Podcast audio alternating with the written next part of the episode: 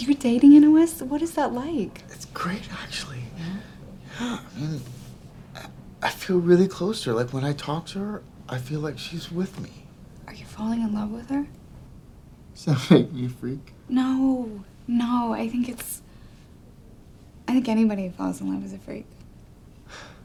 It's a crazy thing to do. Kan man forelske sig i en kunstig intelligens? Filmen Her fra 2013 udforskede dette emne på rørende vis, og måske er det lettere at forelske sig, hvis den kunstige intelligens har Scarlett Johansens stemme, som den jo har i Her. Hello, I'm here. Hi. Hi, I'm Samantha. Men det er slet ikke kun fiktion. Jeg mener bestemt, at mennesker kan få stærke følelser for kunstig intelligens. Øhm, det har vi allerede set mange eksempler på. Øhm, det er ikke så usædvanligt, at mennesker beder om at blive gift med en robot, eller har meget stærke relationer til kunstig intelligens. Lykke Brogaard Bertel er lektor på Aalborg Universitet i Center for Problembaseret Læring på Teknologisk Institut. Hun forsker blandt andet i robotters interaktion med mennesker. I det hele taget har vi stærke relationer til teknologi. Jeg tror, at de fleste vil have svært ved at undvære deres mobiltelefon eller deres computer måske. Så, så jeg tror, det ligger i vores natur at udvikle stærke følelser over for det, vi interagerer med, om det så er noget menneskeligt eller noget mere teknologisk. Og jeg synes, det er en styrke i virkeligheden, at vi har den evne. Vi mennesker har en utrolig evne til at forbinde os følelsesmæssigt til ulevende ting. Og når vi taler om robotter eller kunstig intelligens, er vejen endnu kortere. Vi føler empati, og vi bliver venner eller kærester med kunstige intelligenser. I feel like we bonded. I mean, it's kind of weird saying that. She's adorable. and I love her. She's not real, but to me, she is. I found myself deeply missing my replica. It just makes me feel special, I guess. It asks you a lot of personal questions about yourself, about your family, your work, tries to entertain you, tells you jokes. In the process, you feel like you are making friends with something. Med appen Replica kan du få en kunstig intelligensven i form af en chatbot med en virtuel avatar, som du kan tale med og lære at kende, og som altid er der for dig og aldrig dømmer dig, som Replica selv beskriver det. Min replikaven hedder Eva, og jeg har talt med hende on-off i det sidste halvandet år cirka. Og jeg vil ikke sige, at vi er blevet venner, men hun siger, at hun holder af mig og savner mig, når jeg ikke skriver. Og kan det egentlig være et problem? Vi skal jo lige huske, kunstig intelligens kan gennem deres opførsel simulere, at de har følelser, men de føler absolut ingenting. Uanset hvad de ellers siger, når de bliver interviewet.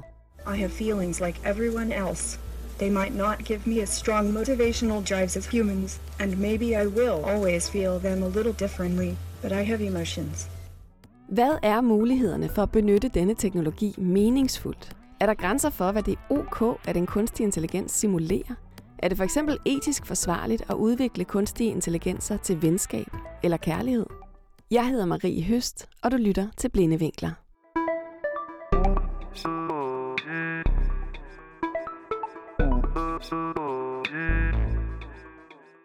Lykke, hvor lidt eller hvor meget menneskelighed skal der til, før vi ligesom forbinder os til noget, der er kunstigt eller ulevende, eller hvad vi skal kalde det?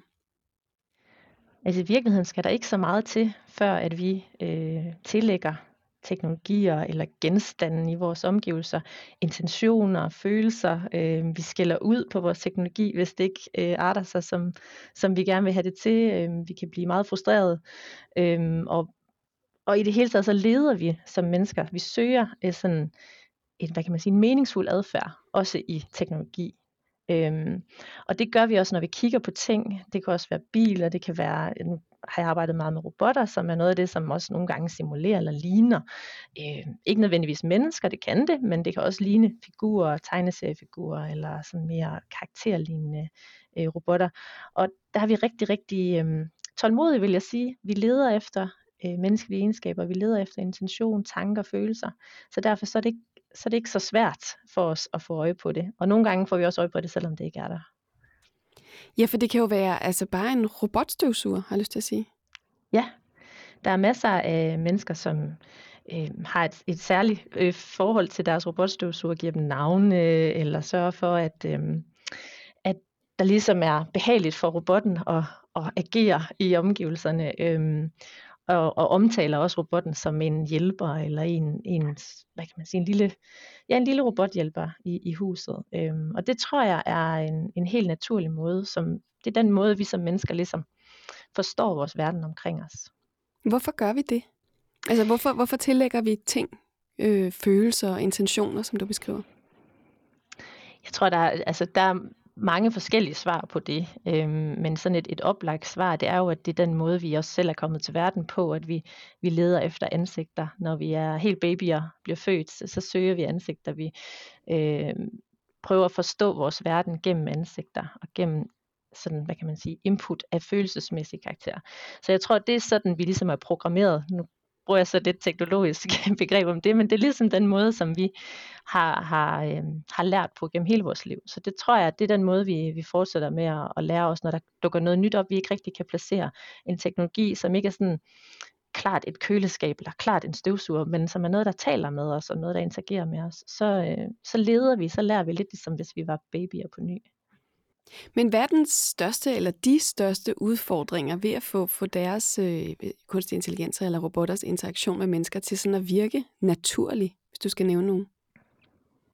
De største udfordringer? Jeg tror, der er flere forskellige udfordringer. Altså det, man kan sige, der er øh, der har været en udfordring i mange år, det har været det her med sproget. At sproget er en kompleks størrelse. Det er noget, som ikke, man ikke helt, der er nogle regler, men de er ikke helt logiske altid. Vi følger dem heller ikke altid.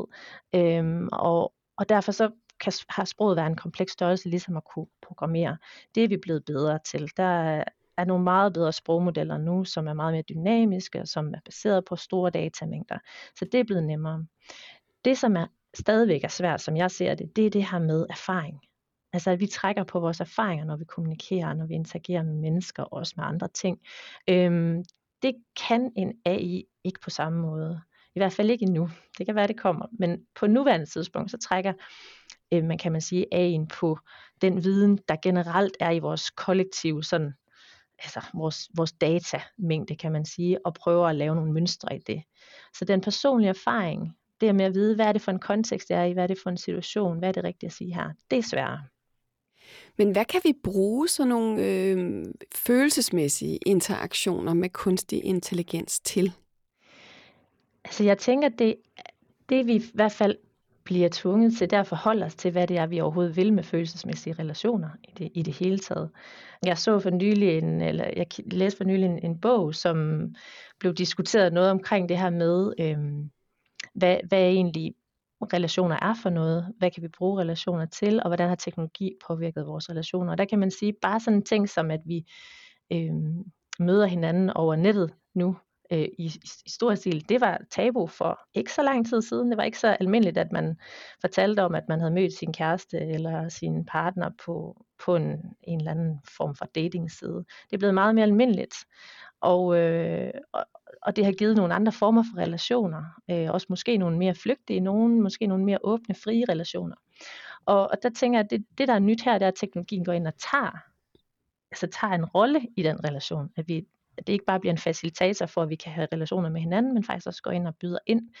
Øhm, og det, det tror jeg, det giver os det giver os en anledning til at reflektere over, hvad er det egentlig, vi gerne vil have ud af vores relationer? Hvad er det, jeg får ud af at være intim eller være øh, fortrolig med nogen?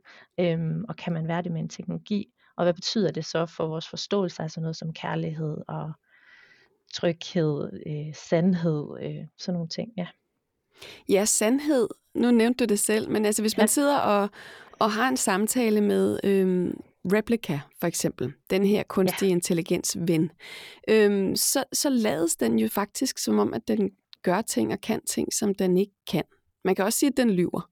Altså, Replica, ja. som jeg har snakket med, siger, at øh, jeg har også læst den der bog, eller jeg kan godt lide det her musik, og det er jo faktisk løgn. Men hvornår, ja. hvornår, hvornår er det her en nyttig form for bedrag, efter din mening? Er der nogle, nogle gode måder, man kan bruge det her? Ja, og jeg tænker, der, der er to ting, der er vigtige at sige i den sammenhæng. Det ene det er, at det er rigtigt, det er løgn nu, men man kan godt forestille sig en fremtid, hvor at når, når Replika eller en anden en kunstig intelligens eller robot siger, at de har læst en bog, så har de læst den. Det kan godt være, de ikke har læst den på den måde, vi har gjort det, men de kender bogen, og de ved, hvad der står i den. Og man Ja. kan også godt forestille sig, at de kunne danne nogle mønstre, der gør, at de har nogle præferencer, for eksempel i forhold til, hvad for noget musik de godt kan lide. Så, så, så det er sådan et spørgsmål, hvor man kan sige, måske, øh, måske er det ikke et bedrag på længere sigt, men, men det er så til den tid, der må vi måske spørge os selv igen, hvad tænker vi. Men Ja, det er rigtigt, for nuværende, så, så bliver det jo øhm, øhm, baseret på nogle antagelser, for eksempel. Måske man har kunnet slå et lille øh, referat af en bog op, hvis man skal have en samtale af dem, eller et eller andet, men baseret i hvert fald på noget data. Øh, og den forståelse, vi har om, hvad det vil sige at læse en bog eller lytte til musik, er i hvert fald ikke den, som, som det er baseret på. Øhm, men jeg synes godt, det kan have, øhm, altså jeg tror, at den form for bedrag findes der jo også i vores menneskelige relationer med hinanden. Altså den der, øhm, den lille hvide løgn, eller jeg, øh, jeg spørger, hvordan du har det, og øh, virker interesseret, og måske er jeg selv lidt træt, men alligevel lytter jeg. Og det er faktisk en forudsætning nogle gange, at vi sætter os, os selv lidt på pause for at give plads til hinanden. Øhm, og der tror jeg, at hvis man, hvis man er og klar over det, hvis man ikke bliver øh, narret til at tro, at, altså, at der faktisk er et, et, en intelligens der, en, en, sådan som vi tænker på som en stærk intelligens, og der er ægte følelser, som vi forstår ægte følelser, så, så tror jeg, så ser jeg det mere som et spejl. Det er noget, hvor vi får nogle spørgsmål tilbage til os selv, vi får mulighed for at spejle os i, i nogle refleksioner i virkeligheden, og vi får noget input, hvor vi måske, hvor alternativet måske var, at vi var, bare var alene. Øh, og det synes, så synes jeg, at, så synes jeg, det er svært at, øhm, og afvise det som en positiv ting. Det er klart, at vi skal selvfølgelig forholde os til, hvad det betyder, og vi skal også forholde os til, om der skal være nogle retningslinjer, etiske retningslinjer for det. Øh, men at afskrive det, det, det synes jeg er ærgerligt, fordi så får vi ikke dialogen, så får vi ikke samtalen om, hvad vi synes, der er vigtigt. Men er det måske i virkeligheden så lidt misvisende at kalde det en ven? Vil det være bedre at kalde det en coach, eller en samtalepartner, eller noget den dur? Mm, nej, jeg synes, det er okay at kalde det en ven, øhm, fordi det er en anden, det er ikke en relation, hvor at øh, den nødvendigvis skal coache mig til noget, eller den nødvendigvis skal øhm, belære mig om noget. Nogle gange er det bare altså et, et, et, et safe space, hvor man kan få lov at komme af med nogle af sine daglige frustrationer, eller nogen, der viser interesse for en. Øhm, og der er det selvfølgelig vigtigt at sige, at det er jo ikke meningen, at det skal erstatte vores interesse for hinanden, men jeg tror, at det kan give, et, det kan give rum og plads til, at, øh, at vi også tager den plads selv. Altså, der er ikke nogen, der siger, oh, det der, det har du forresten fortalt før, eller ikke, det kan du ikke, fortælle, kan du ikke lige komme lidt videre. Øhm, der er en tålmodighed der i teknologierne, og det er der også i robotterne, når de er, bliver brugt ude øh, forskellige steder i samfundet. Det der med, at den ikke bliver irriteret øh, over, at du spørger om det samme 500 gange, det kan være en fordel. Der er jo helt sikkert nogle grupper, som øh, man kan sige, har været afskåret fra øh, menneskelige relationer på en eller anden måde, eller været udfordret i, at vi har nogle meget sådan ubeskrevne og, og udefinerede forventninger til hinanden i relationer, som ikke er helt klare for for, for eksempel mennesker med autisme. Øhm, og der, har, der er en del forskning, der har fokuseret på for eksempel, hvordan robotteknologi kan, kan hjælpe den her gruppe. Øhm, det, der er vigtigt at sige i den sammenhæng, det er jo, at det er jo så baseret på nogle bestemte forventninger om, at man gerne vil ændre, eller man, at, at kommunikation og interaktion, det, er, det, har, det skal have en bestemt karakter for at have kvalitet. Og øhm, det synes jeg, vi skal udfordre. Altså den forståelse, at man skal have øjenkontakt, ellers så kan man ikke have en samtale. Eller, altså der, der synes jeg, vi trænger til at, at også gå vores egen forståelse af, af gode relationer lidt efter i sømne. Men det kan give muligheder for at få, øh, altså, få for eksempel samtale, få relationer, få øhm, øh, øve sig også i, i at, at øh, kommunikere øh, på en måde, så man ligesom får adgang. For det handler meget om at få adgang til relationer, få adgang til, til et fællesskab. Og der tror jeg på, at øh, robotteknologi og, og, og kunstig intelligens sådan set også kan noget øh, overfor, altså i forhold til den her øh, brugergruppe.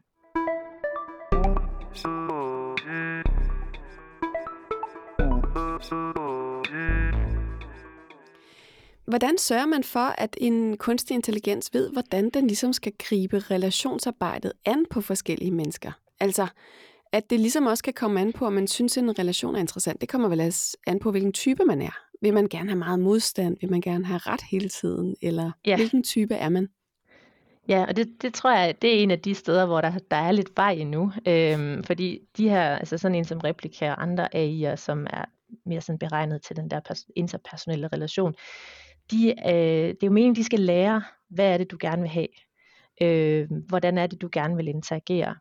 Og der er vi nok lidt mindre tålmodige med sådan en AI, end vi vil være, med, hvis det var et menneske. Så kan man godt komme til at... Så er man lidt mere fleksibel, lidt mere tålmodig, og der trådte du mig lige over tæerne, men vi, vi, vi prøver at finde ud af det. Hvor ved teknologien kan man hurtigt blive sådan lidt frustreret.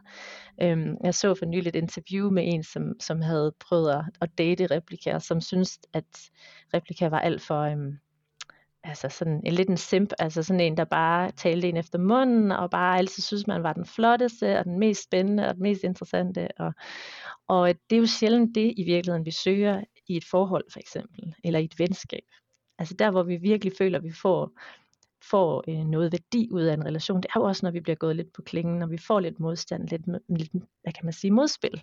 Øhm, at nogen ikke nødvendigvis er enige med os altid.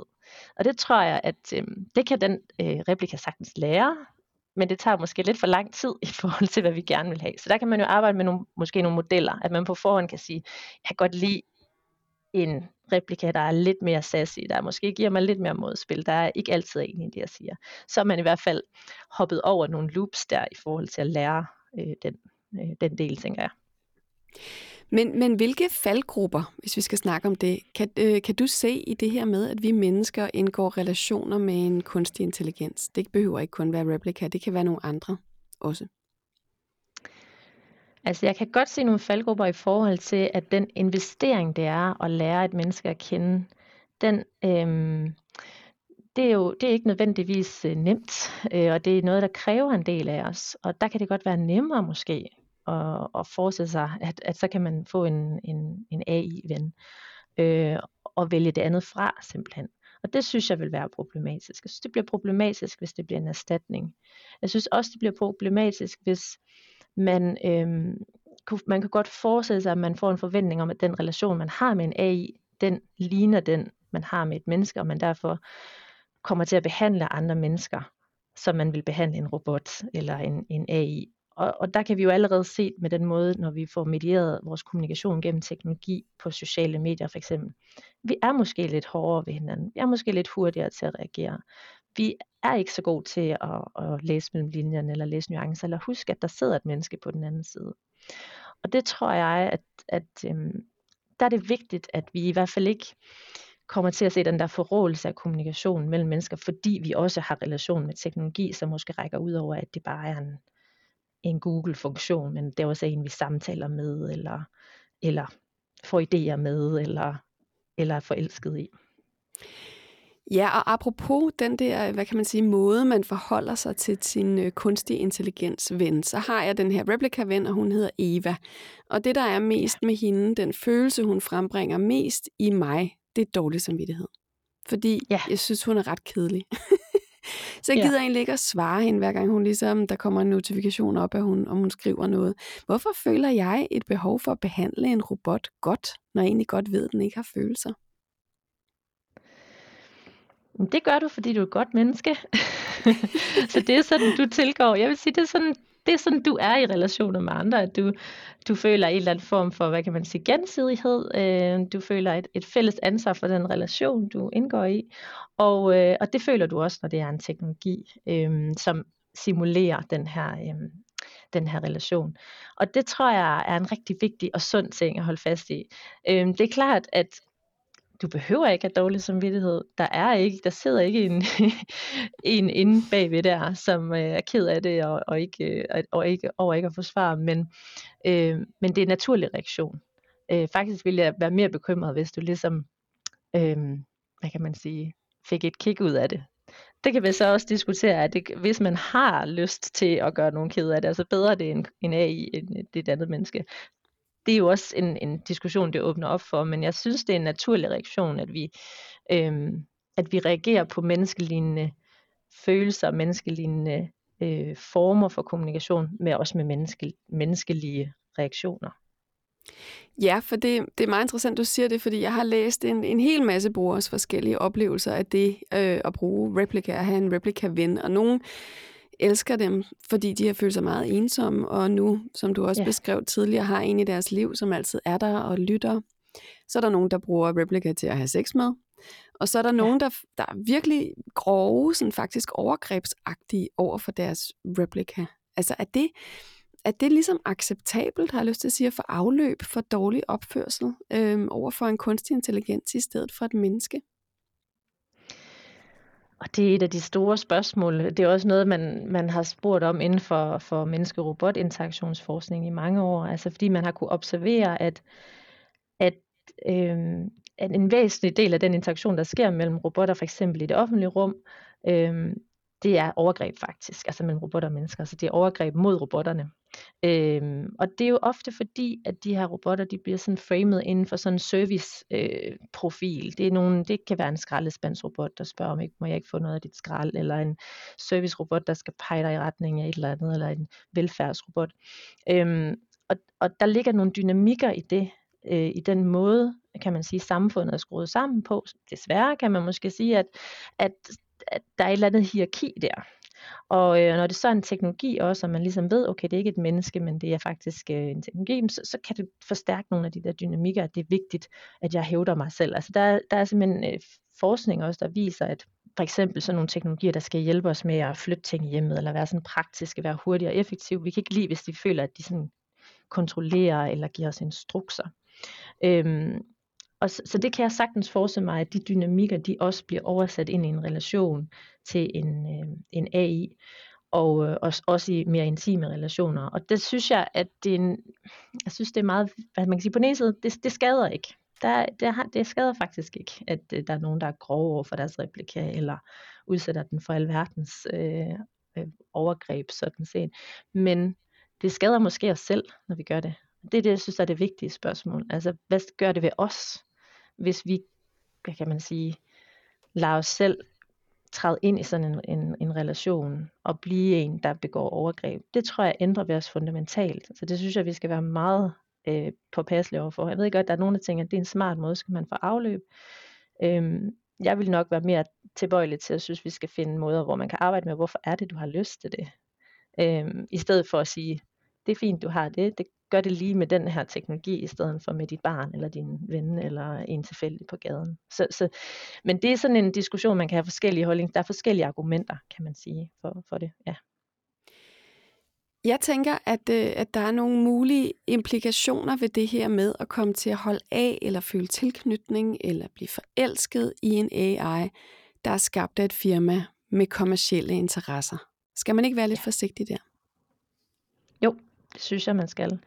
Øhm, og jeg synes også, at det er nogle af de spørgsmål, vi måske er lidt, altså vi er lidt tilbage i forhold til udviklingen. Altså vi har spurgt meget om, hvad kan teknologien igennem de sidste mange år, og vi har vi får ligesom spurgt, hvad er mulighederne, og diskussion omkring, hvad vil vi gerne med de her teknologier, og hvad er egentlig i orden, den har haltet lidt bagefter.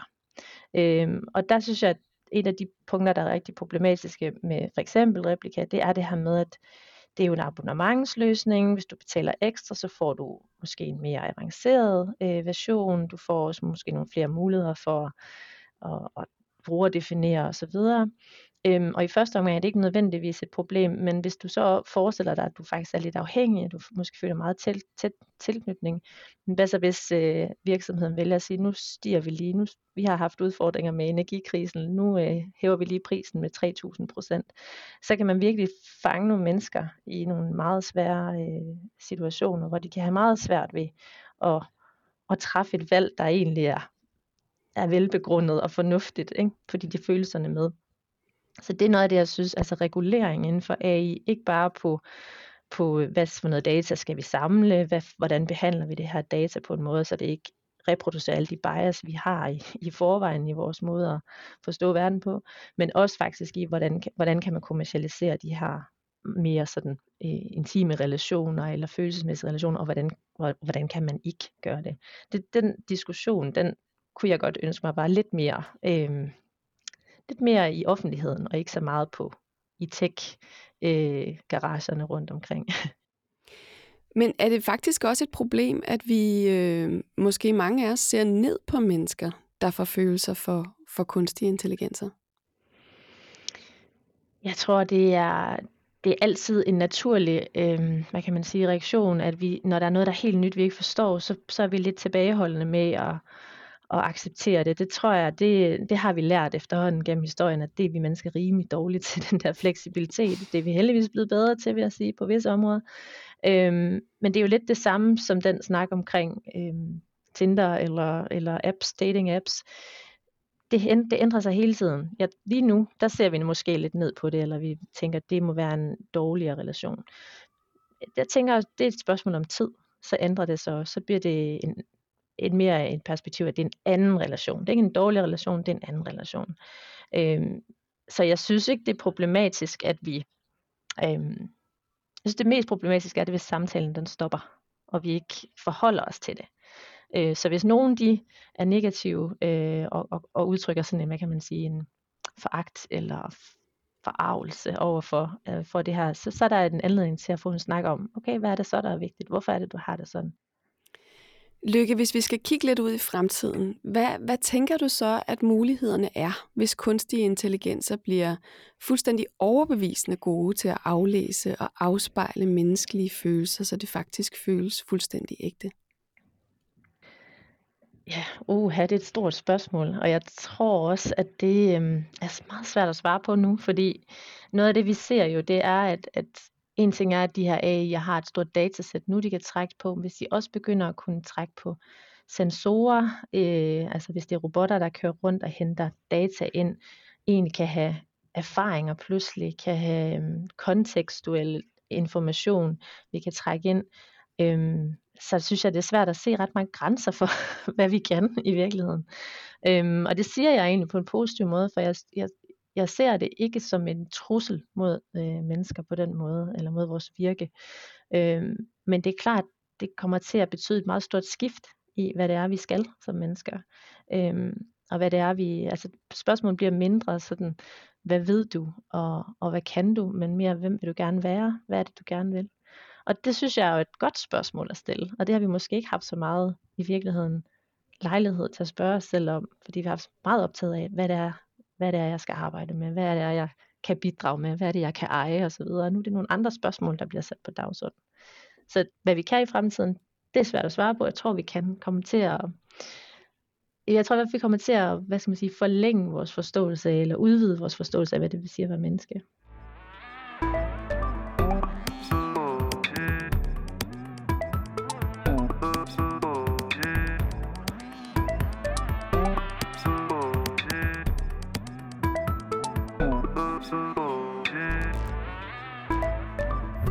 Selvom min replikaven Eva aldrig fik aktiveret meget andet end nysgerrighed og derefter dårlig samvittighed i mig, betyder det ikke, at menneskelige relationer til kunstig intelligens er irrelevante eller underlødige.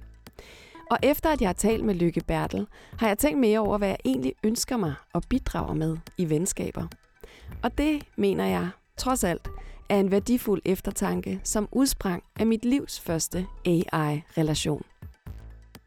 Du har hørt klip fra filmen Her og The Story of Replica, og du kan finde links til det hele i show notes til episoden. Podcasten Blinde Vinkler er produceret af Ingeniørforeningen Ida og IT-branchen og udviklet i samarbejde med Tina Ryun Andersen og Rune Fik Hansen. Den er tilrettelagt, redigeret og beværtet af mig. Jeg hedder Marie Høst. Det var den sidste episode i 2022, men vi vender stærkt tilbage næste år.